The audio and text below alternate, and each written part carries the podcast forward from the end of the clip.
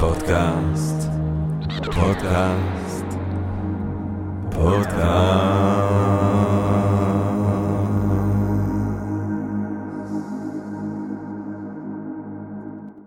טוב, גבירותיי ורבותיי, ברוכות וברוכים הבאים לפודקאסט של Think and Ring Different, פודקאסט למי שאוהב לחשוב ולשתות. אני ג'רמי פוגל, ואנחנו רוצים קודם כל להתחיל עם הודיה, הוקרת תודה לעצם היש, לעצם המציאות שמאפשרת לנו למרות הכל וגם בימים האלה להיפגש כאן למען הרחבת התודעה, העמקת הידע, גירוי הסקחנות, סיפוק אולי הסקחנות גם, לא רק גירוי, אה, ואולי איזשהו רעיון נשגב, איזשהו רעיון מעורר השראה ככה פתאום באמצע היום, באמצע הלילה, מתי שלא... אה, מתי שזה לא קורה המפגש הזה בינינו, אה, כאן אה, באירוע הזה. תודה גם לסמסונג נקסט תל אביב, שבבונקרים שלה אנחנו חזרנו להקליט את הפודקאסט. אה, מה אני אגיד לכם, אנחנו גם ב-Think and Read Different מציעים לכם כמיטב יכולתנו ומיטב יכולתו של תובל רוזנבסר, שאומנם הוא דמות הרשע כאן בפודקאסט, אבל הוא עושה דברים מאוד מאוד יפים, כמו למשל לארגן סדרה על מלחמות במאה ה-20.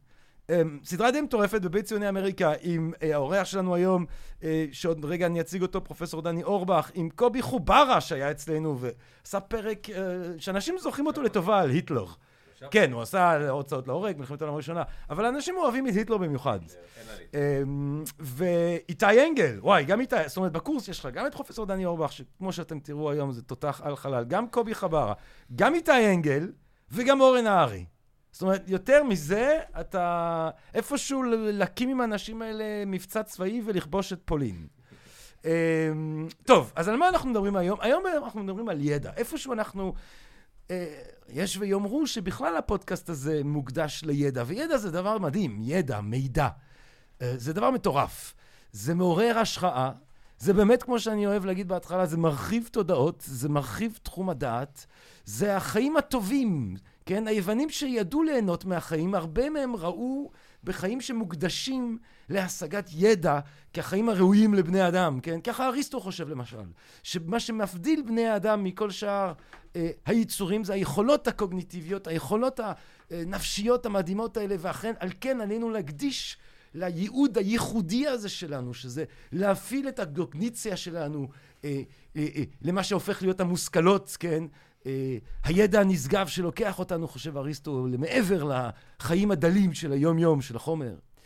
אבל ידע זה גם, אה, זה לא רק השתאות וזה לא רק אה, הערה וזה לא רק זכחנות, ידע זה גם כוח. המודרנה, זו תובנה מאוד של המודרנה באיזושהי צורה. בייקון, כן? ככל שיש לך יותר מידע, ככל שיש לך יותר ידע, יש לך כוח ואפשר באמת לראות באופן שבו המהפכה המדעית באירופה בעצם בסופו של דבר מאפשרת ומכוננת את האימפריאליזם המזעזע אה, של אותה יבשה, שידע הוא כוח. אבל ביטוי, אני חושב, מובהק לרעיון שידע הוא גם כוח ושלידע יש משמעות אה, במנגנוני כוח, במשחקי כוח, במוחכבויות של כוח, הוא כמובן מה שבאנגלית קוראים לו פשוט אינטליג'נס, מודיעין. מודיעין וריגול. זאת אומרת, השגת סוגים מסוימים של מידע, של ידע, שיש בהם כדי לתת אה, איזשהו סוג של יתרון, באיזשהו סוג של אה, אה, אה, אה, תחרות כוח. אה, כדי לדבר על הדבר המרתק הזה, ויש לומר מרתק, זאת אומרת, זה באמת, זה גם מרתק כשלעצמו, וזה גם מרתק uh, את, ה, את בני האדם, כן? לא סתם שהם עשו כבר 700 מיליון סרטים על ג'יימס בונד, uh, ולא עשו על אף פקידים אחרים בממשל הבריטי, כן? שחייהם יכולים להיות באיפשהו, למה שחייו של פקיד הבריטי שאחראי על האנדרגראונד, למה עליו לא עושים איזשהו סרט? לא. מה שמעניין אותנו אה, זה המרגלים, המודיעין, כל העולם הזה, אה, המשמעות שלו, הסודיות שלו, המסכתיות שלו, המאחורי הצלליות שלו, מרתקת אותנו, מאפנטת אותנו. וכדי באמת לצלול לדבר הכל כך מרתק הזה, לא היינו יכולים לקוות, גבירותיי ורבותיי, אה, לאורח מרגש ומרהיב יותר מאשר האורח שמכבד אותנו כאן עם נוכחותו, פרופסור דני אורבך, גבירותיי ורבותיי. אה, שהוא היסטוריון צבאי, אבל הוא לא היסטוריון צבאי, הוא תופעה בתחום ההיסטוריה הצבאית, אני חושב שאפשר לומר. הוא איש שמגיע למצב, אני, אני הולך לתאר לכם עכשיו קורות חיים אקדמיים של בן אדם שהוא בערך כפול בגילו, היה יכול להתגאות בו. אבל פרופסור דני אורבך הוא איש צעיר עדיין, אה, ולמרות כל אלה הוא כבר פרופסור בחוגים להיסטוריה ולימודי אסיה באוניברסיטת תל אביב. וזה אחרי שהוא... באוניברסיטה העברית, ג'רמי. אז אוי ואבוי, אלוהים ישמור עליי מכל רע. ירושלים ותל אביב זה לא, לא מתבלבלים ביניהם, זה אה, דברים שלא אסור עוצרים. להתבלבל, אסור לא. להתבלבל. האמת, אמרת, אמרת לי על הרכבת, הייתי צריך לחשוד. כן. אה, תראה, אה, אה, זה לא מוריד מכבודו משום דבר שאמרתי, אני סולח לך על זה שאתה חי בירושלים ועובד שם. פרופס, אני גם לא רוצה שכולם יאהבו את תל אביב כמו שאני אוהב את תל אביב, כי גם ככה מחירי דירה פה כל כך אה, אה, קשים, אם כולם ירצו לח- לחיות כאן. אה, אה, אה, פרופסור דני אורבך, סליחה, הוא פרופסור בחוגים להיסטוריה ולימודי אסיה באוניברסיטה בירושלים, אה, ולהישג המרהיב הזה, אה, בגילו הצעיר הוא מגיע אחרי אה, דוקטורט באוניברסיטת הרווארד בארצות הברית על היסטוריה של יפן, שבע שנים בהרווארד, שנה ביפן, אה, שבה הוא, הוא בעצם חקר את מה שהפך להיות אה, הספר שלו, בוגדים למען המולדת, המורדים הפטריוטים של יפן. אה, שיצא בעברית באוניברסיטת תל אביב ב-2018, הוא גם יצא באנגלית. אה, ספר שחוקר את אותם חיילים, פשוט זכינו בכמה דקות שאני, שזכיתי לדבר עם דני לפני, הוא מסביר לי סיפור מרתק על אנשים שבעצם מסרבים להפסיק להילחם. אה, הוא גם כתב את ולקירי, ההתנגדות הגרמנית להיטלר, שיצא באנגלית ב-2015 ויצא בגרסה מקוצרת ואז גרסה ארוכה יותר בעברית. אה, Fugitives, Nazi Mercenaries in the Cold War, שיצא בפגסוס בארצות הברית ובהרסט באנגליה, שייצא ב-2022. כרגע אה, פרופסור אורבך, הרב רב פעיל ורב חוקר, אה, הוא אה, עוסק במעשי טבח לא מתוכננים. זאת אומרת, רגעים שבהם פקודות עמומות אה, אני לא עוסק באופן פרקטי לא, במעשי נכון. אני חושב שחשוב להעביר את זה למאזינים. הוא לא מתכנן, הוא לא מתכנן אה, מעשי רצח לא מתוכנן, הוא חוקר אותם. כן. הוא חוקר אותם. עוסק בזה. תראה, מוקדם לומר, אתה באמת צעיר. כן. אתה עדיין לא בן 40. אני מקווה לא בוא להכיר את. בית הדין בהאג בספסל בוא, הנאשמים. אתה יודע, בוא, בוא תגיע לגיל 80, ואז תגיד, אני לא עוסק בזה, אז אני אוכל אה, להיות בטוח. 70-80 זה הגיל שמגיעים להאג כנאשם, פחות או יותר. אה, כן, יש ממוצע. אמ, אה, יש לו פודקאסט, אה, סוכן משולש, שעוסק בדיוק בנושאים שאנחנו נדבר עליהם היום, על ביון, ריגול, מודיעין, אה, יש לו בלוג, הינשוף, אה, הוא גם חוקר אה, סוכנים כפולים. אני מקווה שאתה לא סוכן כפול, פרופסור דני אורוב. בהרווארד, אתה יודע שלמדתי בהרווארד, כולם חשבו שאני סוכן מוסד. אני שמעתי את זה עוד פעם ועוד פעם, ובסוף אני אמרתי להם, תשמעו חבר'ה, נניח שאני סוכן מוסד. מה אני אדווח למפעילים שלי מי יוצא עם מי בהרווארד? כן. כאילו, מה... איזה מאמר אחרון יצא על, המלח... על, ה... על המלחמה הקרה. זה אה, במקרה הטוב. כן. אה, תראה, יש, אני, בוא נגיד שיש למוסד דברים בהרווארד שהוא היה שמח לדעת. לא בחוג שאני הייתי בו, בסדר. אולי בכל מיני הנדסה וביוטכנולוגיה. זה מה שמצופה שסוכן מוסד יאמר איפשהו, אז אה, אתה יודע, זה קצת כמו המשיח, כי מי שאומר שהוא לא משיח, אז אולי משיח. זאת אומרת, דווקא זה שאתה אומר שאתה לא סוכן מוסד, יחשבו שאתה כן. בוודאי. פשוט תלך, תגיד שאתה כן סוכן מוסד. אה, כן, ואז זה יעזור. יכול להיות. אה, על, כל פנים, פרופסור דני אורבך, אה, תודה רבה רבה רבה לך שאתה כאן איתנו. טוב, די עם הקשקשת הזאת שלי, מספיק. שמענו, ראינו, היינו. בוא נתקוף, כמו שאנחנו אוהבים לעשות כאן בפודקאסט, את הסוגיה שלנו ישר בווריד הצוואר, אה, ישר בווריד הצוואר, ואני אשאל אותך, פרופסור דני אורבך, מה זה מודיעין ומה זה ריגול? בוא נתחיל במודיעין, כי ריגול זה בסך הכל סוג של מודיעין. אז נתחיל בדבר היותר גדול. מודיעין זה מידע עדכני שרלוונטי לקבלת החלטות. אני מדגיש את המילה עדכני, כי זה מה שמבדיל בין מודיעין לבין למשל מחקר היסטורי. שהוא יכול להיות מאוד מאוד מעניין, אבל הוא לא עדכני לעכשיו. אני רוצה לדעת אם המדינה השכנה עומדת לתקוף אותי עכשיו, לא אם היא התכוונה לתקוף אותי לפני שנה. והוא צריך להיות רלוונטי לקבלת החלטות. הוא לא יכול להיות אקדמי סתם. שים לב מה אני השמטתי מההגדרה הזאת, ואני מפנה את תשומת לב המאזינים לזה. לא אמרתי שזה קשור למדינות. בהרבה מההגדרות של מודיעין כתוב מידע שרלוונטי לממשלה או לגופי ביטחון, Mm. אני חושב שזה יותר מדי מצמצם. זה יכול להיות גם גוף עסקי גדול. זה יכול להיות גם תלמיד תיכון שרוצה לדעת אם מישהי שהוא נדלק עליה יש לה חבר או לא. באמת, זה מודיעין שרלוונטי לקבלת החלטות. האמת, אני חייב להגיד לך שבבית ספר שלי באנטוורפן, היה ילד, כשהיינו בכיתה ח', שהשיג את המפתח לחדר שבו היו המבחנים אה, שייתנו לנו בסוף השנה. זה מודיעין. זאת אומרת, הוא השיג לנו את המבחן, היה לנו את המבחן מראש, וזה עזר לנו לקבל החלטות. או זה בתפר בין מודיעין לפעולה חשאית. מעניין. על פעולות חשאיות אנחנו אולי נדבר כן, אחר בטח, כך, זה בטח. סוג של בן דוד חורג של עולם המודיעין. אוקיי. אז זה מודיעין, מידע עדכני שרלוונטי לקבלת החלטות. בדיוק. ומודיעין יכול להיאסף בהרבה מאוד סוגים. אם, אם תרצה, אני יכול אה, לדבר עליהם. אה, אני תמיד נותן את הדוגמה הבאה, כי ככה להעביר את זה מחיי היומיום. נניח שיש לי אה, שכנה מעצבנת שמנהלת בבית אה, מספרה לא חוקית. Mm. וזה מפריע לי. Mm. לקוחות באים כל הזמן, ואני רוצה להשיג ראיות שהיא מנהלת עסק לא חוקי, Mm. כדי שהמשטרה תסגור לה את העסק. Mm. אבל יש לי כמה דרכים לאסוף מידע. אני יכול לשלם לעוזרת הבית שלה, כדי שהיא תדווח לי מבפנים, Mm. זה נקרא מודיעין אנושי, Mm. יומינט. Mm. וריגול זה ענף של זה. יכול להיות גם חקירת שבויים, יכול להיות דרכים אחרים, אבל יומינט זה מודיעין שמשיגים מבני אדם. יומינט? כאילו Human Intelligence? Human Intelligence, Mm. בעגה המקצועית קוראים לזה יומינט. יומינט. יש מה שנקרא סיגינט, מודיעין אותות. היום זה דרך אגב עיקר המודיעין שמדינות אוספות. שזה מסיגינט intelligence. signal intelligence. והוא בעיקרון מתחלק לשניים. מודיעין תקשורת, מה שנקרא קומינט, זה אם אני מצוטט לטלפון של השכנה. Mm. כדי להקליט שיחה בענייני המספרה, Mm. כדי שיהיה לי ראיות, שאני אוכל לדווח עליהן. במקרה של מדינות יש עוד ענף של סיגינט שנקרא מודיעין אלקטרוני, Mm. אלינט. Mm. זה האזנה למערכות נשק. אני מאזין לאותות של מערכות נשק כדי ללמוד עליהן יותר. Mm. מה היתרונות ומה החסרונות שלהם. יש ויזינט, מודיעין חזותי. אני משקפת מציץ Mm. לתוך הדירה של השכנה. Visual Intelligence. visual intelligence. בעולם המדיני, ביטחוני, זה לוויינים, זה מטוסי סיור, זה גיחות צילום, זה אפילו סיורים רגליים, כל דבר שקשור לצילום, למודיעין חזותי. ואני אומר שצורה מאוד קריטית של מודיעין, שבדרך כלל לא מדברים עליה, Mm. זה מה שנקרא אוסינט. Open Source Intelligence, Mm. מודיעין ממקורות גלויים. Mm.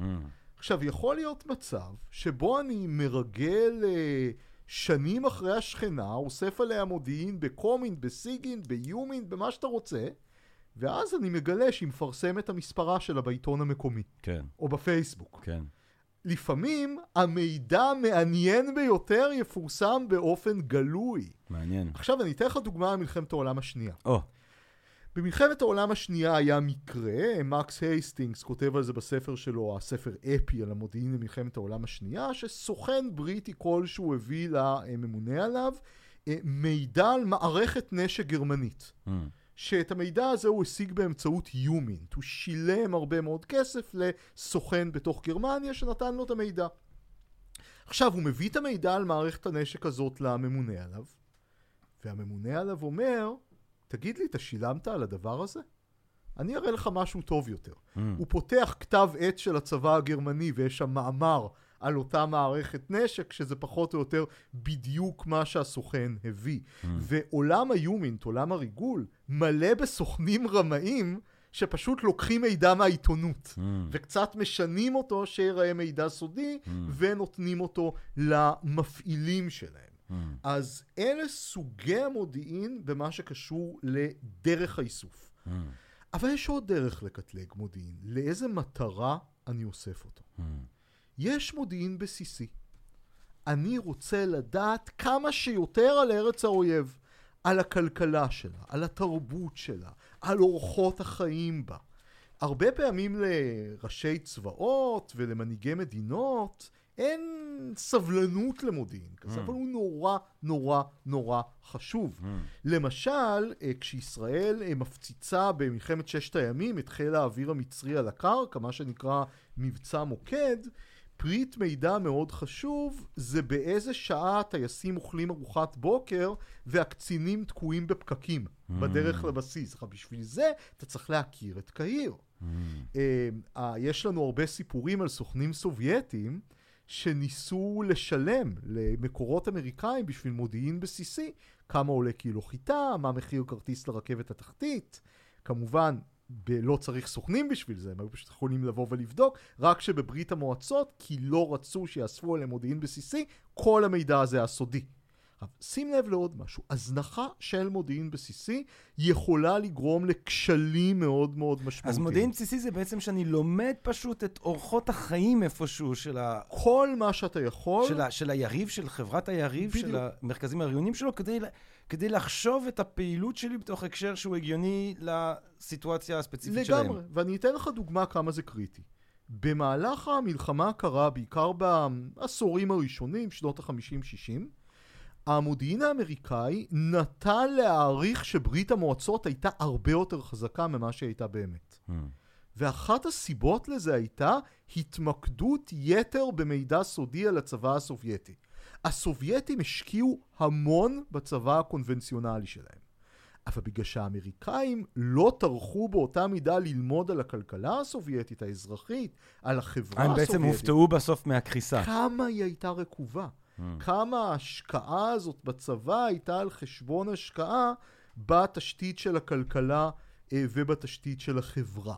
עכשיו, מעבר למודיעין בסיסי, יש מודיעין טקטי. מודיעין טקטי זה מודיעין לשדה הקרב, והוא קריטי לכל מבצע צבאי. כמה טנקים יש לאויב, איפה הוא נמצא, כמה חיילים יש לו, באיזה ציר הוא מתכוון לנוע. אין קרב שאתה, אין לך מודיעין טקטי בקרב, אתה עיוור. מודיעין אופרטיבי זה מודיעין על חזית שלמה.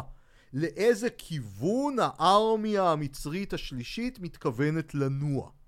מודיעין אסטרטגי זה על שאלות פוליטיות גדולות יותר. האם מצרים מתכוונת לתקוף את ישראל? אבל היא- זה כבר, זה על גבול... אה, לא, זה כן. זאת אומרת, זה אולי אפשר לדעת, אבל האסטרטגי זה גם על גבול ההשערה והפרשנות הפוליטית יכול להיות. ויש רמה מעל זה שקוראים לזה אסטרטגיית על. הבנתי. שבה מלחמה היא רק אחת מהאופציות, ואנחנו מנסים להבין את כלל מדיניות החוץ של היריב, ובגדול, ככל שאתה עולה ברמות, יותר קשה להשיג מודיעין. מה, איז, איפה נופל המודיעין שאני משיג ספציפית על, ה, אפילו הייתי אומר הפסיכולוגיה של המנהיג או של הקצונה הגבוהה? תראה, הרבה פעמים השאלה מה המקורות שאתה משתמש בהם. אתה יכול להשתמש במקורות גלויים. כן. למשל, ראיונות עם המנהיג. זה עושים. לא, אבל אני, אני מנסה להבין אם זה בסיסי, טקטי, אופרטיבי, אסטרטגי. אסטרטגי. זה אסטרטגי. אסטרטגי, כן. כי מכיוון שלמה אתה מתעניין באישיות של המנהיג? כדי לנתח את ההחלטות האסטרטגיות שהוא Mm. עשוי לקבל. Hmm. אה, אני חושב שהרבה מזה זה הצטגנינות. כלומר, אומרת? הניסיון, מין פסבדו-מדע, ניסיון אה, לנתח פסיכולוגית את המנהיג אה, באמצעות כל מיני, בלי לדבר, הרי פסיכולוגים שלא מראיינים אותו, באמצעות כל מיני דברים שהוא אומר לתקשורת, זה, זה, זה שאלה כמה אינטואיציה שלך טובה. אבל בגדול זה ניחושים, זה הרבה מאוד אה, ספקולציות. Hmm. המצב מאוד מאוד שונה אם יש לך מקור בתוך המעגל הפנימי של מנהיג האויב. Hmm. זה נדיר מאוד להשיג, Hmm. וברגע שאתה משיג את זה, זה הקרם דה לה קרם של היומינט, של עולם הריגול. כמו שישראל היה לה בשנות ה-70, לפני מלחמת יום כיפור, את אשרף מרואן, שהיה החתן של נאסר והיועץ הקרוב של סאדאת, שידוע בכינוי המלאך, שנתן מידע אה, לישראל על מלחמת יום כיפור, ולמעשה ריגל עבור ישראל הרבה מאוד שנים אחר כך. מרתק. אז בעצם, אוקיי, אז יש לנו פה מיפוי, אה, יש לנו מיפוי של אה, המושג שלנו מודיעין, אה, הסתכלנו על אה, סוגי המודיעין, אה, אה, אה, זאת אומרת, מבחינה כאילו כמעט אפיסטמולוגית, מאיפה אני אה, לומד את מה שאני לומד, כן, יומית, סיגנית אה, אה, וכולי, הסתכלנו על אה, סוג המודיעין עצמו, כן, אם הוא אה, בסיסי, אם הוא טקטי, אה, אם הוא אופרטיבי, אם הוא אסטרטגי. אה, עכשיו אני רוצה קצת לחשוב, לחשוב איתך על, על ההיסטוריה של הדבר הזה, כי מן הסתם אנחנו יודעים שיש לזה היסטוריה עתיקה, יש uh, מרגלים כבר במקרא, כן? Uh, ובטח גם המרגלים במקרא הם לא הראשונים בהיסטוריה של בני אדם. מהמערות שרצו כן. לדעת כמה דובים יש. והאמת, ב- אני חושב שבמלחמות של שימפנזה לפעמים הם שולחים איזה, בטח יש מי שאוסף מודיעין בסיסי לגבי איפה ממוקמים השבט ה- היריב, העדר היריב. אני כמובן לא יכול אה, להגיב על זה, אבל כן. יהיה מרתק לשאול זואולוג, האם יש איזשהו כן. סוג של איסוף מודיעין. אני חושב שאם אני זוכר, אם אני זוכר נכון, אני חושב שיש אלמנטים מסוימים. אבל אז, זה, מהשחר מהאנושות, בוא, בוא, אולי, תגיד לנו, אה, אם אתה אה, כחוקר של, של, של, של המאה ה-20, איך הדבר הזה שקיים מאז ומעולם, איזה תפנית הוא מקבל אולי בעולם המודרני בכלל ובמאה ה-20 זה בפרט? בעיקר תפנית של מקצועיות ומכובדות. או, בגדול, מודיעין עד המאה ה-20 נחשב לעיסוק בזוי, שבדרך כלל נותנים אותו לאנשים משולי החברה. Uh, התפיסה הזאת, שהייתה קיימת אפילו במאה ה-20, מי שביטא אותה באופן קריקטורי כמעט, היה מזכיר המלחמה האמריקאי הנרי סטימסון, שאמר, ב, אם אני זוכר, ב-1929, כשהוא ביטל את המחלקה שעסקה ביירוט מברקים של מדינות אחרות במשרד ההגנה, ג'נטלמנים לא קוראים את הדואר של ג'נטלמנים אחרים. והתפיסה, למרות שכולם ריגלו אחרי כולם תמיד, ברמה האידיאולוגית זה נחשב בזוי. לכן נתנו את זה לכל מיני טיפוסים מפוקפקים שכאלה, שגם החוק לא הגן עליהם. הרעיון הזה, ששוב הולך קדימה עד למאה ה-20, שחייל שנתפס זכאי לזכויות של שבוי מלחמה, אבל מרגל, הוא, אה, אפשר לתלות אותו.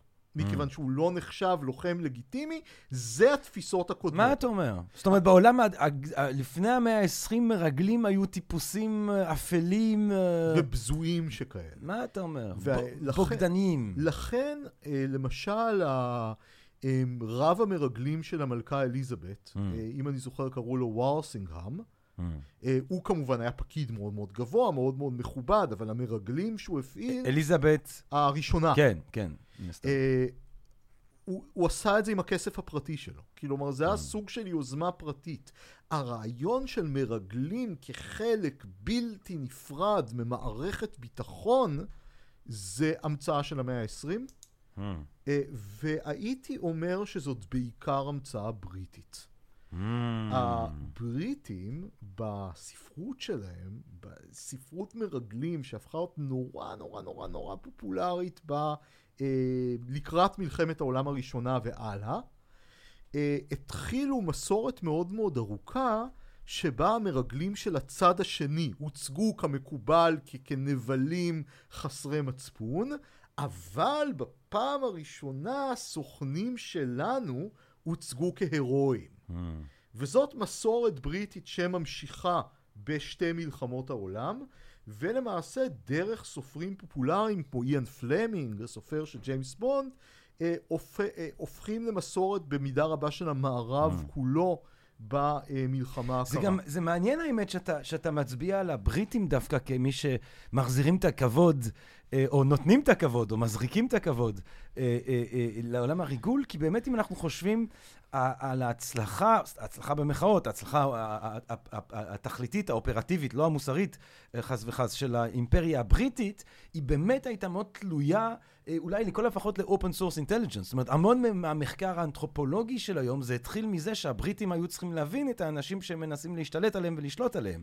זאת אומרת, זה, אולי, אולי בגלל שהיה שם מודעות לעד כמה שמודיעין אה, הוא קריטי, בגלל שהם ניהלו את, ה, את האימפריה הזאת, הדבר הזה, התופעה הזאת שם פרחה אולי במיוחד. אני חושב, קודם כל זה ידע. כן. זה ידע שהוא היה בחלקו מדעי, אנתרופולוגי. כן. ברמה של מודיעין, אני חושב שזה דווקא התחיל מפחד מריגול עוין. Hmm. כלומר, ה- המודיעין שקם, מה שקוראים היום MI5, שירות ביטחון הפנים של בריטניה, התחיל כחלק מהחשש ממרגלים בתקופת מלחמת העולם הראשונה. בבריטניה הייתה היסטריית מרגלים מטורפת. Hmm. היו שמועות שלגרמניה יש מאות ואלפי מרגלים והם נמצאים בכל מקום ומודדים את החופים ומכינים פלישה גרמנית בפועל היו מעט מאוד Hmm. ולכן הנושא הזה, ביטחון הפנים, מה שנקרא מודיעין מסכל. שזה, MI5 זה כמו ה-FBI ו-MI6 זה כמו ה-CIA?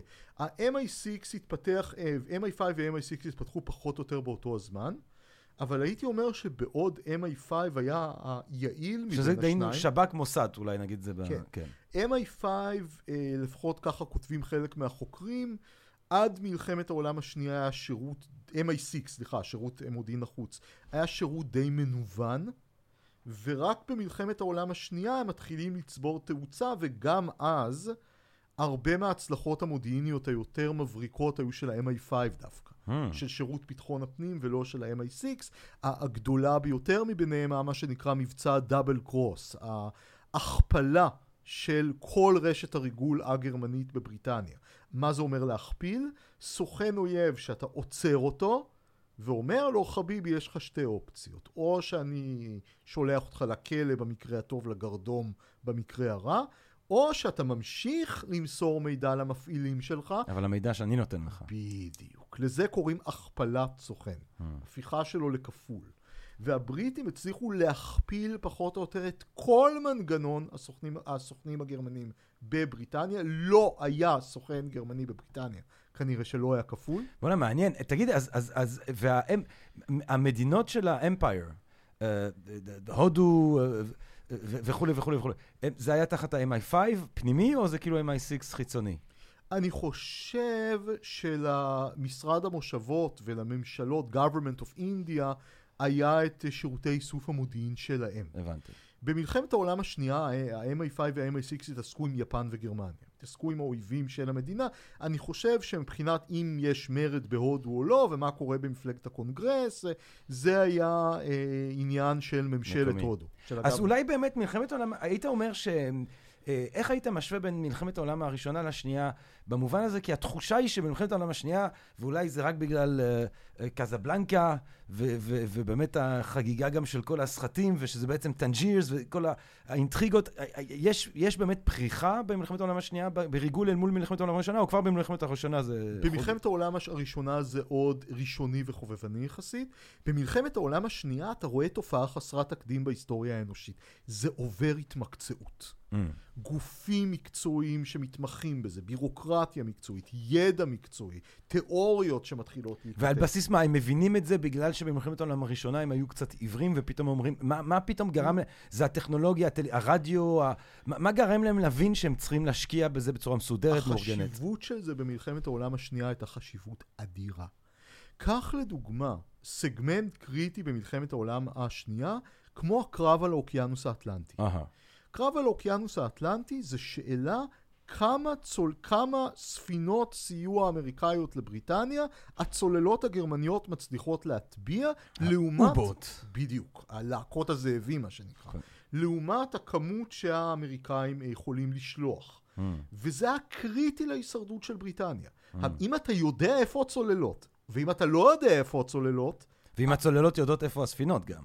זה עניין של המודיעין של הגרמנים. כן. זה כבר שייך לעולם של מודיעין מסכל. כלומר, כן. להסתיר את המידע שלך מאחרים. אבל כמובן ההישג החשוב ביותר של בריטניה בהקשר הזה, אה, זה פענוח הצופן הגרמני. פענוח mm. האניגמה. זה הישג... טיורינג. זה הישג שהוא הישג סיגינטי. זוכרים, זוכר שדיברנו על סיגינט, כן. מודיעין אותות. כן. Uh, כמובן, במאה ה-20 אף אחד לא מספיק טיפש כדי uh, uh, לדבר באופן לא מוצפן, שהוא mm. מעביר מידע חשוב. והצפנים מאוד מאוד מאוד מתוחכמים, ופענוח הצופן של האויב הוא, הוא משהו קריטי, אבל לא מספיק שאתה מפענח אותו פעם אחת, כי האויב כל הזמן משנה, אתה צריך להבין את החוקיות שלו כדי לפענח אותו מחדש.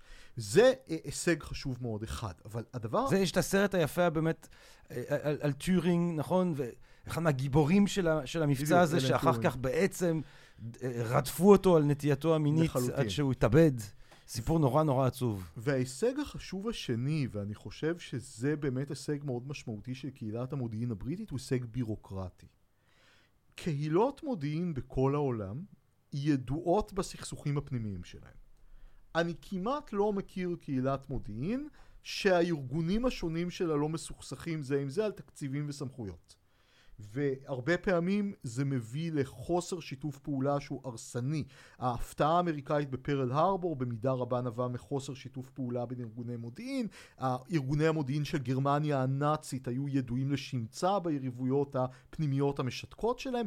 הבריטים הצליחו לפתח בירוקרטיה של שיתוף פעולה מודיעיני, של הזרמת מודיעין למקבלי ההחלטות באופן כל כך יעיל. שאפשר להם לנהל את המלחמה עם מידע עדכני יותר טוב מאשר אחרים. מעניין מאוד מאוד מאוד. תגיד, מתי הצוללות? כי מעניין, ציינת את העניין של הצוללת, אבל באמת שאתה חושב, כשאני חושב על, על, על, על, על הכלי הזה, צוללת, בהקשר של הדברים שאתה מביא, פתאום אתה קולט עד כמה שצוללת היא כל כולה כלי ש... הוא כאילו ביטוי פיזי כמעט לכל העניין הזה של, ה, של הסודיות. זה כלי בלתי נראה לכאורה. מתי, מתי צוללת? צוללת זה, זה בדיוק בין המלחמות שמתחילים בעצם להפעיל אותה. בדיוק, כבר מלחמת העולם, למעשה הצוללת הראשונה, אם אני זוכר, מופיעה במלחמת האזרחים האמריקאית. במלחמת האזרחים האמריקאית היה להם צוללת? צוללת מאוד פרימיטיבית. וואי, תקשיב, אני לא הייתי נכנס לדבר הזה. כן. תחשוב. גם אני לא. אני לא יודע אם לצוללת של היום הייתי נכנס. זה קצת כמו הבחור ההוא בדנמרק שבנה צוללת והעיתונאי, סיפור נורא. טוב. על כל פנים... מה? לא, לא, סיפור, עיתונאי שהזמין מישהי לצוללת, ואז היא נעלמה. תראה, צוללות אה, חשופות שהן לפעמים עולות לפני הים. כן. ואז אה, יש מטוסים שכל הזמן מסתובבים, שחלק מהתפקיד שלהם זה ויזין, זוכר מודיעין חזותי. כן. וכמובן הן גם משדרות דברים, ואת השידורים האלה אפשר לקלוט באופן סיגינטי. אה, בחזית היפנית אנחנו יודעים גם על זיהוי צוללות ביומינט, באמצעות יומינט. כן. הייתה מרגלת אמריקאית אגדית שקראו לה קלר פיליפס. Uh-huh. שהייתה אה, בעלת מועדון מארחות במנילה הכבושה בידי היפנים. הרבה מאוד קציני צי הסתובבו בבר שלה, והיא נהגה לשאול אותם, אה, מותק, אני לא אראה אותך הרבה זמן, אתה יוצא לים, מתי אתה יוצא? וככה היא הצליחה להרכיב מפה, ממש מפה של התנועה של הצוללות מדהים. והספינות היפניות בחלקים מהפסיפיק. מדהים. אה, וזה מאוד מאוד עזר. אז יש לך מודיעין אנושי, יש לך סיגינט, יש לך ויזינט. בוא נדבר באמת על הרגעים הגדולים, על כמה דוגמאות של רגעים גדולים, לטוב ולרע, גם הכשלים הגדולים. אמרת פרל הרבר, הם באמת... זאת אומרת, היפנים מארגנים את הדבר המטורף הזה עם המטוסי, המטוסי התאבדות וכל ההכפתקה הזאת, והאמריקאים אין להם שמץ של מושג של הדבר הזה. קודם כל אין מטוסי התאבדות בפרל ארבור, זה הקמיקזה בתקופה מאוחרת. לא היו קמיקזים בפרל ארבור? בשום פנים ואופן. אשכרה, הסרט הגדול עם אה, לא, בן אפלק לא זה... גם לא היה שם. לא, שם יש. אה, בכל מקרה לא היו... זה מוטה? בן אפלק מטה אותי? זה מה לא, שאתה אומר? אתה אומר שבסרט אין? כן, אשכרה, טוב. הקמיקזה זו תופעה שאנחנו רואים אותה... לדעתי יש בסרט. אני חושב שאני הולך לשים על זה כסף איתך. אני חושב שאני הולך לשים איתו כסף. החוף שמטוס הקמיקזה הראשון הוא באוקטובר 44. אשכרה? כן. בקרב על מפרץ לייטה. עכשיו, פרל הרבור זה שייך לעולם שנקרא הפתעה אסטרטגית. פה צריך לומר משהו למאזינים. יש שתי סוגים של, שני סוגים של הפתעות. Mm. בשפה המקצועית, פה המחקר המודיעיני מאוד מאוד נושק לפסיכולוגיה, קוראים לזה הפתעה אה, מצבית והפתעה בסיסית. הפתעה מצבית זה משהו שאתה מופתע והוא לא משנה את תמונת העולם שלך. הפתעה בסיסית זה משהו שמערער לך את עצם הנחות היסוד של תמונת העולם. אה, הבדיחה שתמיד מספרים על זה, זה שנועה ובסטר, נוח ובסטר, המחבר מילון ובסטר המפורסם, אה, אשתו תפסה אותו אה, בוגד בה עם העוזרת. Mm. והיא אומרת, נוח, אני נדהמת. אז הוא אומר, את נדהמת, אני הופתעתי. מה, מה הוא אמר? הוא, ההפתעה של נוח הייתה הפתעה מצבית. Uh-huh. הוא אה, ידע שהוא בוגד באשתו. כן. זה, אבל הוא לא ידע שהיא תגלה אותו בדיוק ברגע הזה. כן. אשתו חוותה הפתעה בסיסית. כלומר, כן. שה... כל תמונת העולם שלה, שבעלה נאמן לה, התערערה. והפתעה אסטרטגית, כמו בפרל הרבור, היא הפתעה שהיא הפתעה אה, אה, בסיסית, ובגלל זה היא כל כך קטלנית. מה ייחודי במקרים, כל המקרים של הפתעה אסטרטגית שאנחנו מכירים? פרל הרבור, מבצע ברברוסה, מלחמת יום כיפור, אפשר לומר רצח רבין, אפשר לומר 11 בספטמבר, אה, שתמיד המידע היה קיים. המידע... טוב, המידע קיים מתוקף היות המבצע קיים. לא, המידע היה קיים בידי שירות המודיעין שאמור לגלות אותו. או. הבעיה פה לא הייתה בזה שלא היה מידע. הבעיה הייתה שא', או לא העריכו אותו נכון, הבעיה הייתה מה שנקרא בשלב המחקר, שלב הערכה של המידע, לא בשלב האיסוף, או שארגוני מודיעין שונים לא שיתפו פעולה אה, אחד עם השני, או שזה היה בתיק, מי, ואף אחד מי, לא קרא. אז מי היה לו מידע על פרל הרבר? לשירותי המודיעין האמריקאים השונים, אה, אה, למשל ידעו שהיפנים מתעניינים יותר בפרל הרבור, יש, היה בקשות למרגלים יפנים במקום לאסוף מידע על הנמל, אבל לא העריכו את המידע הזה נכון. והסיבה שלא העריכו אותו נכון, זה כי לא היה אף אחד שיעשה סטטיסטיקה. היפנים גם ביקשו מידע על מקומות אחרים. בגלל שהמקורות היו מאוד מאוד סודיים, לא רצו לסכן את המקורות, כאילו לא רצו שלמישהו יהיה את כל המסמכים ביד.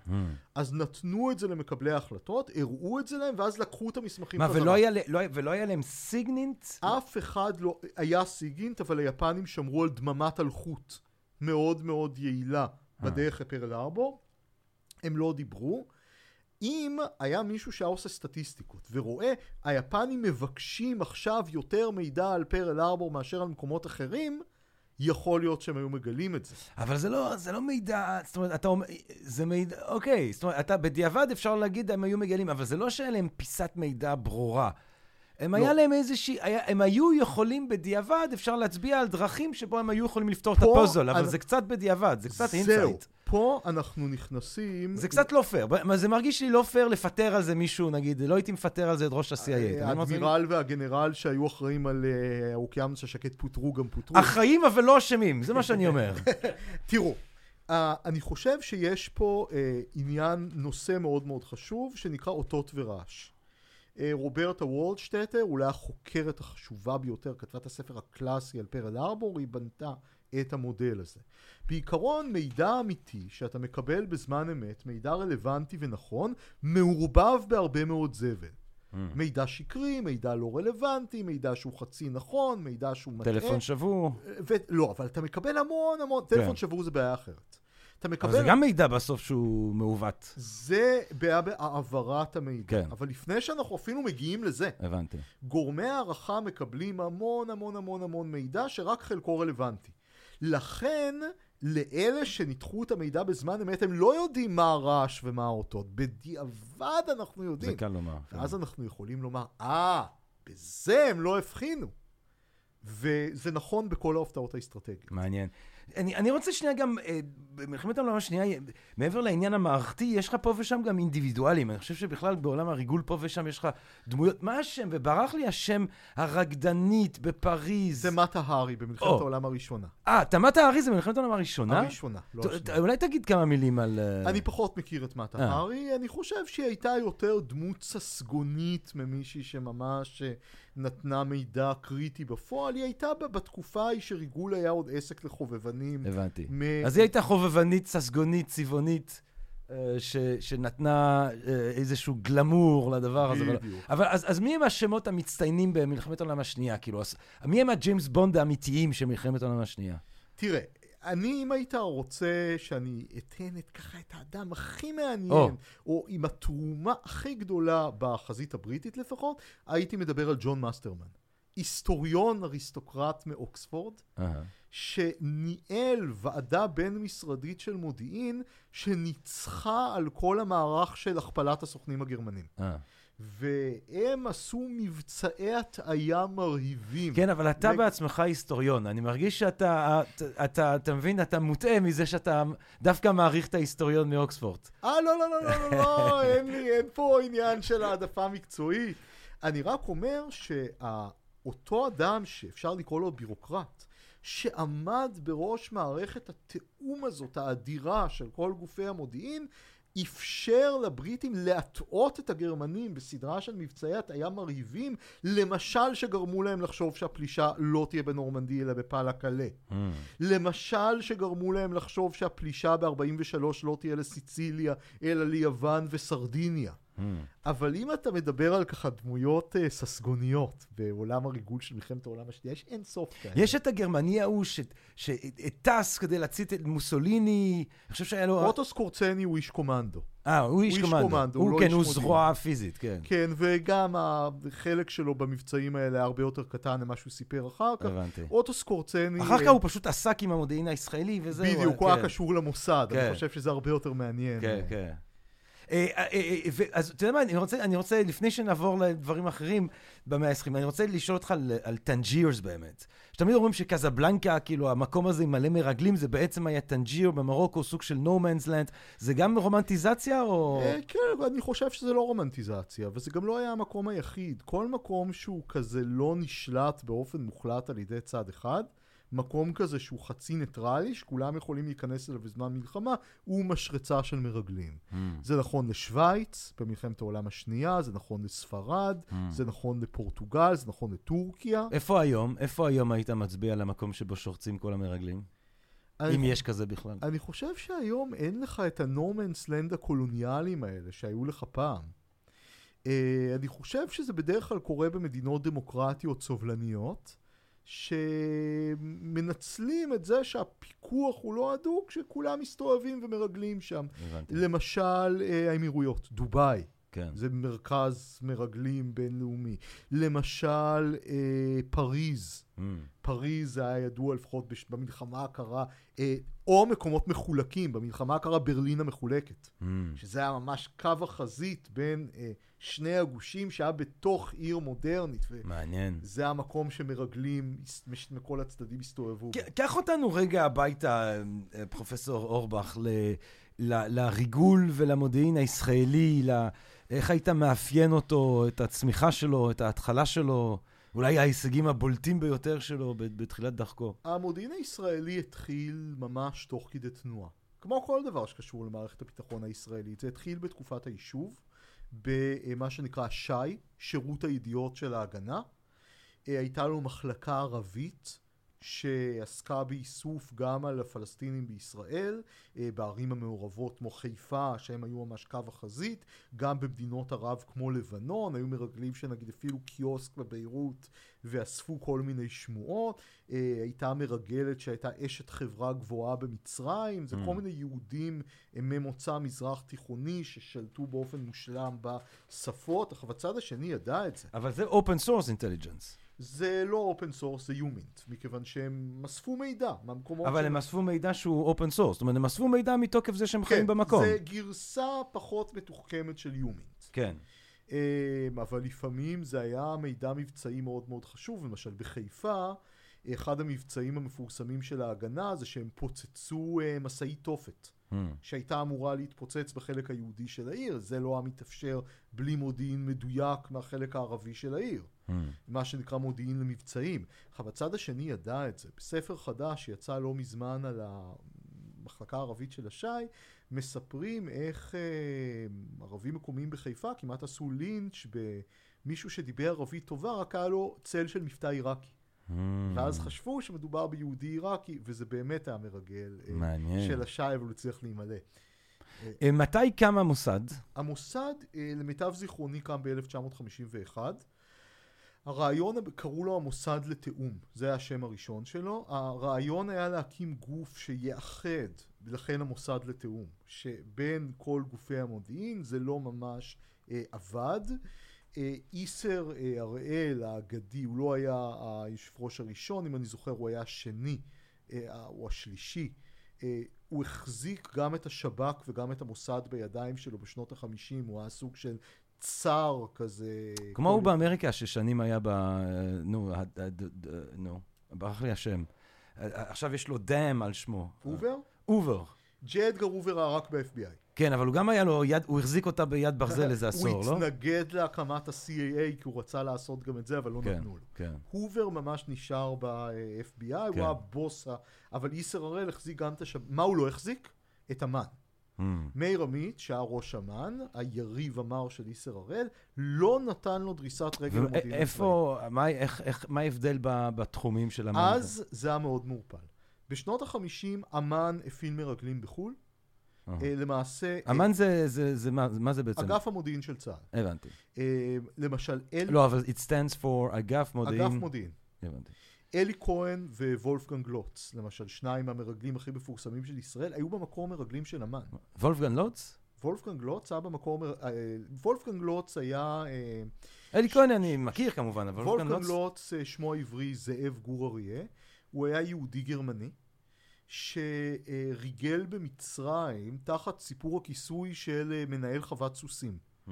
הוא קנה חוות סוסים, רכיבה על סוסים הייתה תחביב אליטיסטי כזה במצרים של הרבה מאנשי האליטה, בוודאי גנרלים בצבא, ודרך חוות הסוסים שלו הוא הצליח להתברג באליטה המצרית ולהביא במשך אה, אה, כמה וכמה שנים, עד שהוא נעצר בתחילת 1965, מידע אה, קריטי, ממש מידע איכותי מדרגה ראשונה אה, מלב הצמרת המצרית, כולל בסיסים סודיים שהוא הצליח לצלם, מעקב שלו אחרי המדענים הגרמנים במצרים, והוא היה במקור מרגל של אמ"ן.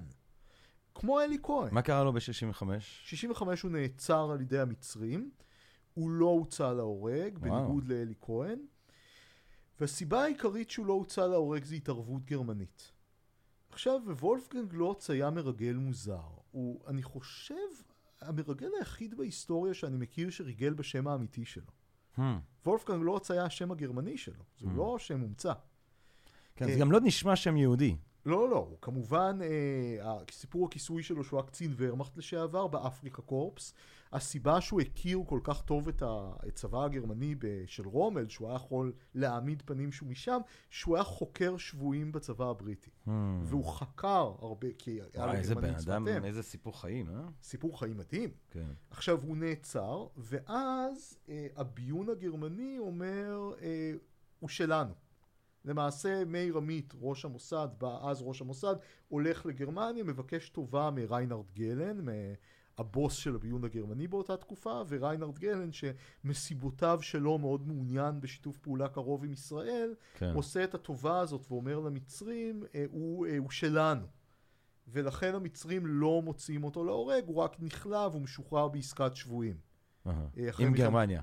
לא, עם ישראל, אחרי מלחמת ששת הימים. הבנתי. אז למה, אז- אז- אז אם הוא של הגרמנים, למה למה ישראל מעורבת? כי הוא כאילו ריגל גם, גם הבנתי, וגם. הבנתי.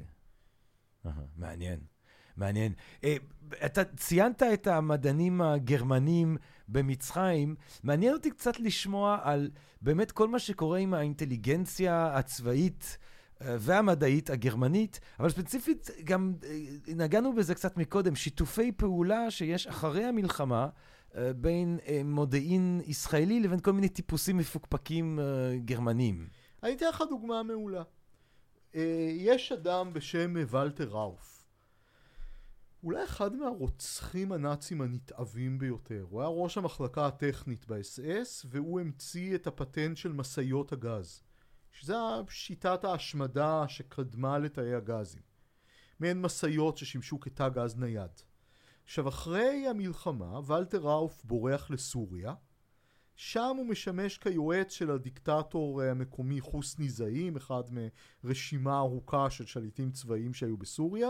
הוא גם, אה, לפי חלק מהדיווחים, אה, רודף את יהודי סוריה, מענש שם אנשים, אבל חוסני זעים מודח, מחליף אותו דיקטטור צבאי אחר, והוא בין היתר זורק את ראוף ויועצים גרמנים אחרים שמזוהים עם השליט הקודם. ראוף הממורמר בדרך לדרום אמריקה עוצר באיטליה. שנה היא 1949. Hmm. איטליה מלאה במרגלים מכל הסוגים, זה עוד מקום כזה שהוא סוג של נורמנס לנד, וכולל הרבה מאוד מרגלים ישראלים. אה, אז המוסד עוד לא קיים, הארגון הביון הישראלי הרלוונטי הוא ממ"ד, המחלקה למחקר מדיני במשרד החוץ, והם אה, מגייסים את ראוף. אה, הוא אומר להם שהוא היה מעורב רק בזיוף כסף, הם טענו אה, שלהבת פרייר, לעתיד אחד מאבות פרויקט הגרעין הישראלי. היה המפעיל שלו, הוא אמר שהוא לא ידע על פעילות ההשמדה שלו, אה, כנראה שהוא גם לא כל כך רצה לשאול, והוא נותן להם הרבה מאוד מידע על סוריה, ואפילו מתנדב לרגל עבור ישראל במצרים. Hmm. הקשר איתו ניתק בסביבות 1951. מה היה האינטרס שלו? סתם הוא חיפש הרפתקאות? אה, כסף, והוא אה, רצה לנקום בסורים. הוא מאוד מאוד כעס על הסורים שזרקו אותו. אה, כמובן שאחרי הרבה שנים ש, שמידת, ממדי פשעיו מתגלים, המוסד מנסה להתנקש בו. אבל הניסיונות האלה נכשלים. זה רק אחרי עשרות שנים. מעניין. אה, חלק, חלק, או לפחות מפורסם של פעילות המוסד ב, בשנים האלה זה, זה מול הנאצים, וכמובן ש... שהמבצע של אייכמן זה אולי הרגע המפורסם ביותר בסוגה הזאת של אה, התנגשות או נקמה או צדק אה, לרוצחים הנאצים. תראה, צד נאצים אף פעם לא היה עדיפות ראשונה כן. במוסד, וגם לא עדיפות שנייה. אבל זה PR, מבחינת PR זה משהו שמתגאים בו. בסופו של דבר, תראה, מי שכתב את המחקר הפנימי אה, במוסד על זה, יוסי חן, נתן לזה, למחקר שלו, כותרת מאוד הולמת. אה, נשיאים ורוח וגשם אין. כאילו, מה, יש הרבה עננים ורוח, הרבה רעש, אבל יש מעט מאוד תוצאות. אה, הייתה תקופה שזהה לפחות באג'נדה, זה בדיוק בתקופה של יחידת אייכמן. אה, היו לזה כל מיני סיבות שישראל פתאום התחילה להתעניין בזה, כי בשנות החמישים היא לא כל כך התעניינה. היה איזה גל אנטישמיות מטורף שפרץ בכל העולם בשנת 1959, שהוא העלה את הנושא הזה מחדש על סדר היום, וגם אה, לחץ של תובע גרמני יהודי, התובע של מדינת סטן, פריץ באואר, שגילה מידע על אייכמן. הוא לחץ על המוסד לפעול, הוא סוג של עשה להם שיימינג. מעניין. וזה הניע את איסר הראל לפעול, לתפוס את אייכמן, ואחרי לכידת אייכמן הייתה סוג של תור זהב כזה, של צד נאצים, שניסו לחסל את אלויס ברונר, העוזר של אייכמן, שברח לסוריה, והצליחו לחסל אה, נאצי לטבי, הרברט צוקורס ב-1965, אה, במונטוויאדו, באורוגוואי. אה, חוץ מזה היו ניסיונות, היה איסוף מודיעין, היה רעש, הם רדפו אחרי מפקד הגסטאפו, איינריך מילר, שלמעשה מת ב-1945. עד כמה זה ירד, ב-1968 לוי אשכול וראשי זרועות המודיעין מחליטים למעשה להפסיק את העניין הזה, חוץ ממנגלה, שהם אומרים שהוא חריג. אבל עד כמה זה לא היה חשוב? ב-1973 יש לנו מקרה שעמל, המחלקה שממונית על צד נאצים, זה קיצור של עמלק.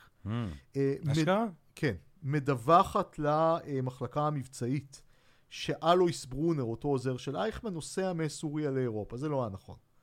אבל לקח חודשיים לידיעה הזאת להגיע מעמל למחלקה המבצעית, למרות שמאה מטר הפריד ביניהם במשרדים של מטה המוסד. איזה קטע. רק כשמנחם בגין עולה לשלטון ב-1977, הוא דופק על השולחן, כולם יודעים שמנחם בגין, האנטי-גרמניות המפורסמת שלו, החשיבות הגדולה שהוא מייחס לשואה, הוא ממש מכריח את המוסד לשים את זה על האג'נדה.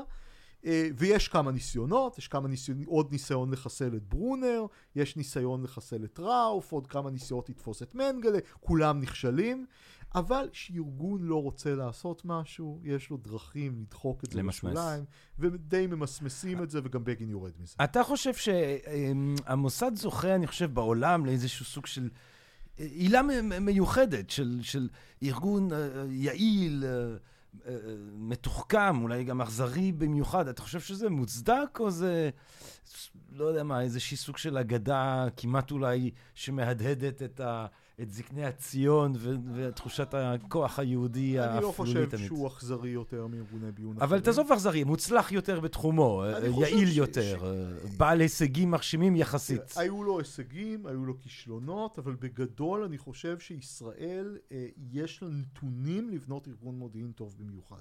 קודם כל, וזה יתרון שכבר יש לנו פחות היום, השפות. הרבה יודעי שפות. לאמריקאים אין את זה. כן. אחת הבעיות העיקריות של ה-CAA זה שיש לו מעט מאוד יודעי שפות זרות. כן. והנוקשות האמריקאית גם מונעת מלגייס כאלה, אני, אני אומר ממש במשפט אחד, היה מקרה מפורסם שקרה בשנות התשעים, שה-CIA היה זקוק בדחיפות למישהו שיודע טורקית הזרית, לאיזשהו מבצע. גייסו מישהו שהיה קביל לבחינה ביטחונית, שדיבר את השפה שפת אם, הוא לא גויס, כי הוא נפל במבחן ה-English essay, החיבור באנגלית. Mm. והגיוס היה כל כך קשוח שאפילו מנהל ה-CAA לא יכול לעשות כלום בעניין, והוא אמר בתסכול, יש לי פה מאות אנשים שיכולים לכתוב חיבור מצוין באנגלית, אבל אף אחד שיודע טורקית הזרית. אה, ולמוסד לא הייתה את הבעיה הזאת, לישראל היו המון יודעי מעניין. שפות. כן. אה, וגם מדינה שהיא נמצאת בנחיתות מספרית מול השכנות שלה, וכל הזמן צריכה לדעת אם עומדים לתקוף אותה. אז פה יש תמריץ לפתח מודיעין טוב. לא אומר שלמודיעין הישראלי לא היו כישלונות הם מזעזעים, אבל... מה, בג- מה, מה, אני, אני מעניין אותי לשמוע ממך, מה אתה חושב, אם אתה צריך לחשוב על הישג אחד שהוא מרהיב וכישלון אחד שהוא צורב במיוחד. וואי. לבחירתך, אתה יודע, כן, אני לא, כן. אתה לא מחויב, אבל ככה, בוא נתחיל מהכישלון. הכישלון הכי, אתה יודע, מביך, היית אומר, של ה... של כלל המודיעין הישראלי, כן. ה- את ההפתעה מלחמת יום כיפור. אה, כן. זה ההפתעה נדרש. מלחמת יום כיפור. והייתי אומר, אם מדברים על השב"כ ספציפית, אז גם רצח רבין, Mm. אה, ממש כישלון במשימה אולי המרכזית שלהם. אה, מבחינת הצלחות הגדולות ביותר זה אולי המודיעין הממוקד שנאסף במלחמת ששת הימים, שאפשר להשמיד את חיל האוויר המצרי על הקרקע. אז בוא נדבר, בוא נדבר קצת על, על, על, על, על יום כיפור ועל, ועל רבין. אוקיי. יום כיפור, תראה, זה היה דוגמה, אה, ולא מדברים על זה מספיק, על כמה חשוב כל הזמן לעדכן את תמונת המודיעין שלך. מה שקראו לו הקונספציה, כלומר אותה תפיסת מודיעין שהתפוצצה עם מלחמת יום כיפור, הייתה מורכבת משני סעיפים. א', סוריה לא תתקוף בלי מצרים, זה היה כנראה נכון. והסעיף השני, שמצרים לא תתקוף לפני שהיא תשיג טילים ומטוסי קרב מסוימים שיאפשרו לה להתגבר על העליונות האווירית הישראלית. וזה היה נכון עד תקופה מסוימת. ואם אני זוכר ב-1971, 1972, סאדאת פשוט משנה את דעתו. והוא מחליט לתקוף בכל זאת, אבל בגזרה יותר קטנה. כלומר, שהוא נמצא תחת המטריה של הנ"מ המצרי, מרחק מסוים של קילומטרים מהגבול, העיקר לחצות את התעלה. והוא משנה את ההחלטה שלו, כלומר המודיעין היה נכון עד זמן מסוים, אבל אז Mm. המנהיג משנה את דעתו. עכשיו צריך לומר פה משהו חשוב. אנואר סאדאת היה מנהיג קשה לפיצוח הבחינה המודיעינית. למה? בגלל דרך קבלת ההחלטות הייחודית שלו, שלא השאירה חתימה מודיעינית גבוהה. יש מנהיגים שמתייעצים הרבה, שיש להם ישיבות מרובות משתתפים, וההחלטה שהם יקבלו תהיה לרוב סוג של ממוצע Mm. של הדעות של האנשים מסביבם, אולי נוטה לכיוון מסוים ולא לכיוון אחר. מנהיגים כאלה, א', יש חתימה מודיעינית יותר גבוהה לישיבות שהם משתתפים בהם, וגם יותר קל להעריך מה הם יעשו, כשאתה רואה את הדעות של האנשים מסביבם. סאדאת אה, קיבל החלטות בצורה אחרת. הוא נהג להתבודד ולקבל החלטות בעצמו, Mm. עם שיתוף של מספר מאוד קטן של אנשים. ככה בהחלטה שלו לדכא איזה ניסיון הפיכה נגדו שהיה ב-1970, ככה בהחלטה שלו למלחמת יום כיפור, ככה בהחלטה שלו לנסוע לירושלים לפני השלום עם ישראל. ולכן ההחלטות שלו השאירו חתימה מודיעינית יותר נמוכה. Mm. היה לישראל מקור מהסביבה של סאדאת, המלאך, אשרף מרואן, ציינת, היועץ שלו. כן. אבל אשרף מרואן בעצמו לא ידע על שינוי ההחלטה של סאדאת עד זמן קצר לפני המבצע, וגם אז הוא לא ידע את השעה המדויקת. אתה אמרת מקודם, כשדיברנו על פרל הרבר, שבדיעבד אפשר אולי לראות שהמידע, או שהיו להם אה, דרך אפשרית להבנת הדבר. אתה חושב שהיה גם סיטואציה בולטת כזאת אז? הרבה פחות. אני חושב שהמידע שהצטבר לפני יום כיפור, גם מאשרף מרואן, גם אזהרה של המלך חוסיין, גם תנועות מצריות אה, בגבול, גם מה שנקרא האמצעים המיוחדים, שעד היום אנחנו לא יודעים בדיוק מה זה, שכנראה הופעלו אה, לפני, היה מספיק מודיעין בשביל לדעת. הבעיה הייתה בהערכה, שלב המחקר וההערכה. אה, ראש אמ"ן, דאז אלי זעירה, כל כך התאהב בקונספציה שלו, שהוא פירש כל מידע שהוא קיבל באופן שלא יסתור את הקונספציה. כן. אה, שאלת על רצח רבין. כן. אני רוצה להשוות פה. Mm.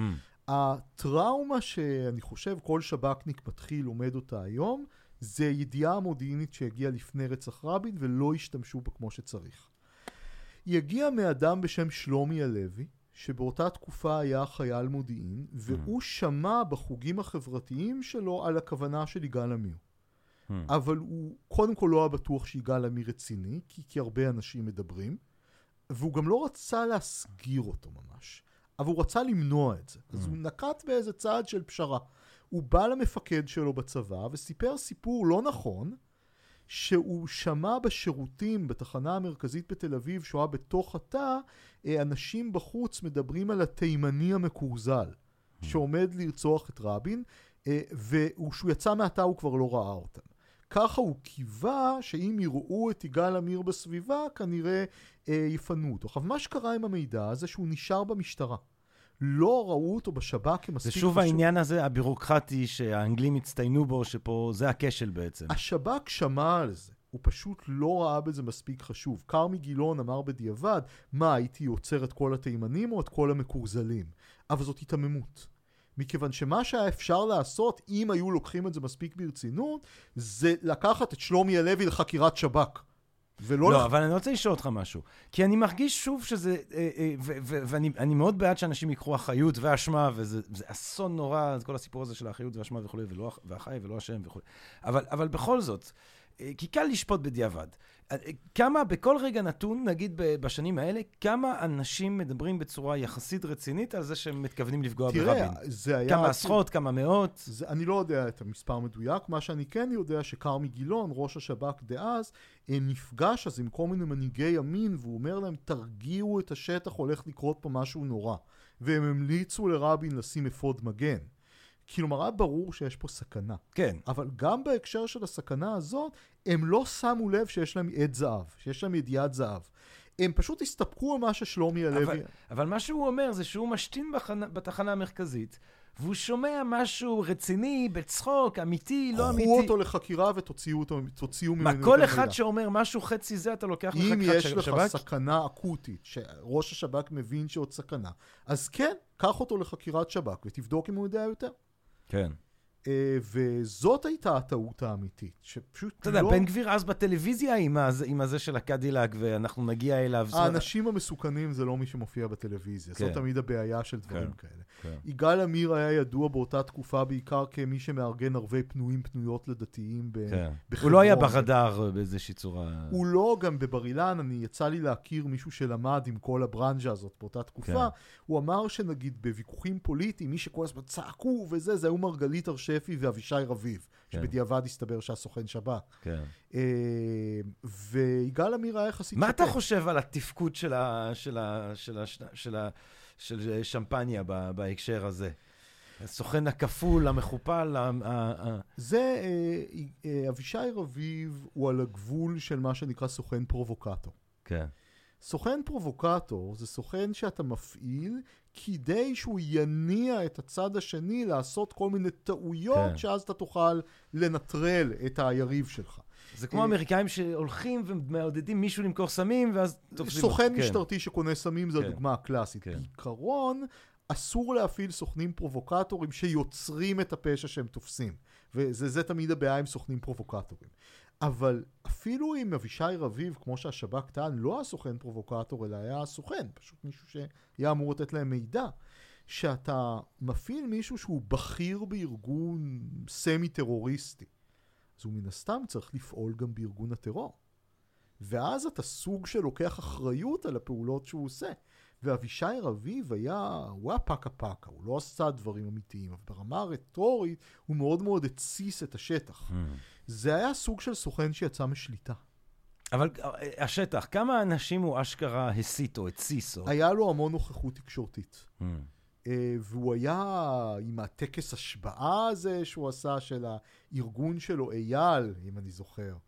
אה, אבל שוב, זה רק הסיח את הדעת מהסכנה האמיתית. הסכנה האמיתית זה לא אלה שמופיעים בטלוויזיה. כן. זה ההוא שמארגן את הפנויים פנויות. בדיוק. אני אף פעם לא שמחתי על הערבים אה, פנויים פנויות, אבל אתה כן, יודע, אה? different, unrelated matter.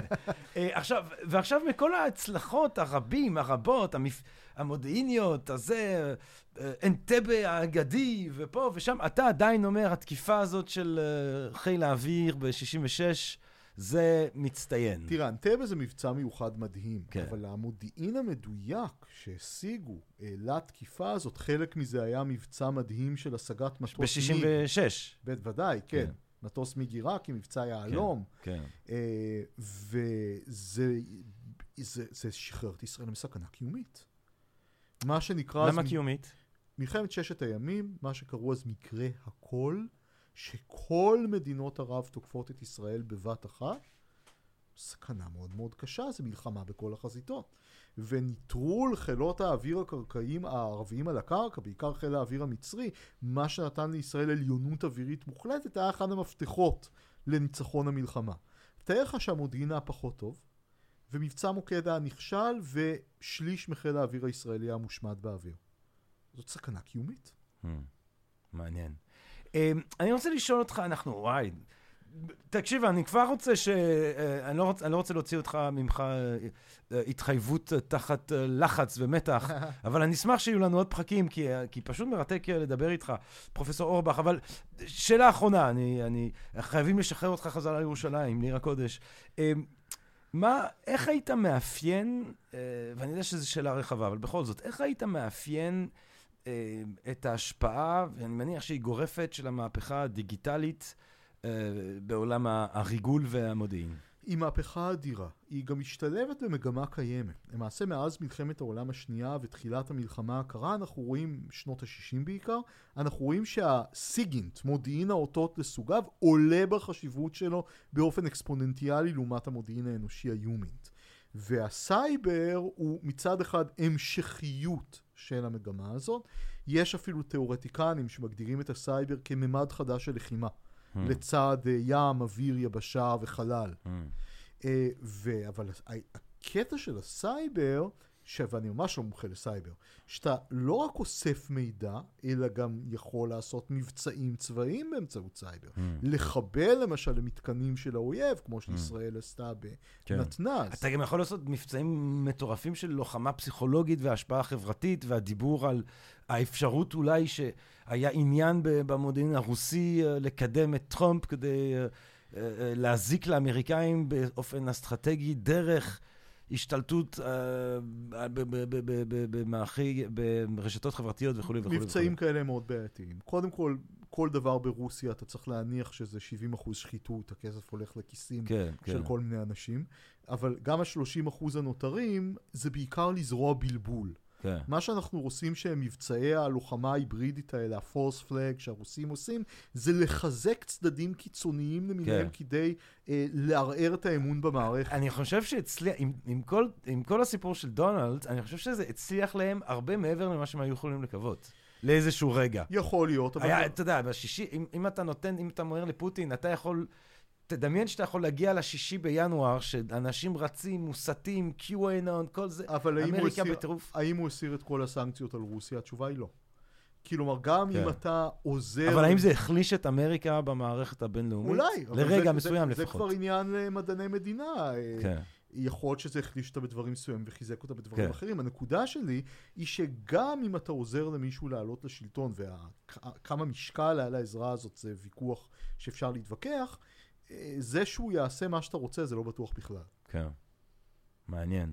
אז אתה חושב, אה, אה, ואיך אתה מעריך את ה... אם, אם לישראל היה יתרון יחסי אה, בענייני מודיעין וביון בגלל כל השפות, אתה חושב שיש לה גם יתרון יחסי בגלל הנטייה ההייטקיסטית? אולי כן, לפעול תעש... בתחום? בוודאי. תעשיית הייטק, תעשיית סייבר, היא מאוד עוזרת בתחום הזה, אבל פה אין לי מידע ממש, אז הייתי רוצה להיות זהיר. לאן, איך אתה אה, מאפיין, איפה אתה רואה את העולם הזה נע? האם עדיין, האם בעולם של היום עדיין יש משמעות, אם התחלנו עם ג'יימס בונד, אה, בוא נסיים איתו, האם אתה חושב שבעולם של היום עדיין יש משמעות אה, לג'יימס בונד שבא ומטייל וזה, או להמפרי בוגארט בקזבלנקה? האם לדבר הזה עדיין יש משמעות, או זה פחות מפעם, פחות מפעם. גם יומינט אה, נוטים פחות להאמין לו. מה שמגיע ממקורות אנושיים, אה, מקבלי החלטות נוטים לייחס לו אמינות נמוכה יותר מאשר לסיגינט למשל, אבל עדיין, אין דרך אחרת לדעתי לחדור למעגל הפנימי של מקבל ההחלטות של הצד היריב. ולפעמים היומינט גם טוב לחבר לך כל מיני דברים מקוטעים שאתה מקבל למקומות אחרים. מה, אה, אולי, ש... באמת שאלה אחרונה. מה, אם אני חושב על רגעים בולטים שליריבים אה, או לאויבים של ישראל היה להם Human Int או Human uh, משמעותי במיוחד בממשל הגבוה הישראלי? מה המקרה ה... אולי... אה, זה יחסית נדיר. זה יחסית נדיר, כן. היה מרקוס קלינברג, אבל זה כן. בעיקר לגוש הסובייטי. כן. אה, ישראל בר. אבל בואו אני אסיים את זה בסיפור על אולי אחד. המרגלים. ישראל בר היה היסטוריון צבאי, למעשה ייסד את התחום בארץ, מאוד מקורב לבן גוריון, והוא היה גם מרגל עבור הגוש המזרחי. ולפי אחד הסיפורים, אני לא יודע אם הסיפור הזה הוא אגדה אורבנית או נכון, אבל אם הוא לא היה, הוא היה צריך להיות נכון. אה, כשהתחילו לעקוב אחרי ישראל בר, הוא גר בכיכר המדינה. Mm. והצוות שעקב אחריו מסיבות של ביטחון לא ידע אחרי מי הוא עוקב. נתנו להם רק את התיאור. והם אמרו, אנחנו צריכים דירת מעקב בכיכר המדינה. איפה נשיג דירת מעקב? ואז ראש הצוות חשב, וואלה, יש פה אחד, ישראל בר, שגר פה, מקורב של בן גוריון, אולי נבקש להשתמש בדירה שלו כדי לעקוב אחרי הסובייקט, ואז ברגע האחרון זה נמנע, מישהו יתערב, לא יכול להבטיח שזה נכון, אבל זה סיפור אדיר. יפה, יפה. תיאום, תיאום, תיאום, תיאום. אני, אני יוצא פה עם, עם, עם, עם מחשבות על המשמעות של תיאום, אה, וגם מעניין בהקשר הזה ש, שהמוסד בהתחלה, הוא היה אמור לגרום לתיאום אה, בין הארגונים השונים. אה, מעניין, מעניין, מעניין, מעניין, מעניין מאוד. תגיד, אתה, אתה בחיים האישיים שלך, או, או, טוב, אני, אנחנו חייבים לסיים, אבל זה, אתה בחיים האישיים האישיים שלך, אתה יודע, האקדמיה זה גם עולם עם מלחמות, איך אמר קיסינג'ר? המלחמות האקדמאיות הן החריפות ביותר. אתה, אה, מה שאתה לומד, כל ה- ה- ה- ה- המחקר הזה שאתה עושה במודיעין, בשיטות ריגול, זה דברים שיצא לך, ש... שהעניקו לך תובנות שהיו באמת מועילות אסטרטגית בחיים שלך עצמך? אמ, ברמה הפשוטה ביותר, תאסוף מידע לפני שאתה מקבל החלטות. תודה רבה רבה רבה. פרופסור דני אורבך, מרתק. מרתק, מרתק, מרתק. אה, מי שרוצה לשמוע יותר, אה, אה, טוב, יש לי פה את כל ה notes שלי, אבל יש את הפודקאסט. את הפודקאסט שלך, אה, מי שרוצה, אה, אה, הפודקאסט שלך אה, סוכן משולש. אה, מי שרוצה לקרוא, אה, יש את הבלוג שלך, הינשוף. מי שרוצה לבוא ולשמוע, ואין על לבוא ולשמוע, יש את הסדרה, אה, את ההרצאות שאתה עושה על מלחמות המאה ה-20 אה, ב-Think and Ring Different לקהל הרחב בבית ציוני אמריקה עם קובי חוברה ואיתן עגל ואורן נהרי. אה, יש את הספרים שלך, ואני מקווה מאוד שיהיו עוד פרקים, כי אני ממש אה, נהניתי לשמוע ממך. ולדבר איתך. פרופסור דני אורבך, תודה רבה רבה לך, ותודה רבה לכם, לקהל הקדוש שלנו של Think and Ring Different, מקווה מאוד שנהנית מהפרק הזה, ומהפרקים שבעזרת השם נמשיך ונקליט. אה, ומה אני אגיד לכם בינתיים? תשיגו מידע לפני שאתם פועלים, תחשבו, תשיגו זה. תשלחו אולי את, ה, את הילד שילך לרגל לאחר היריב במשחד שליד, אני יודע. והעיקר אבל, בריאות, רק טוב, אהבה רבה, אה, ונשתמע.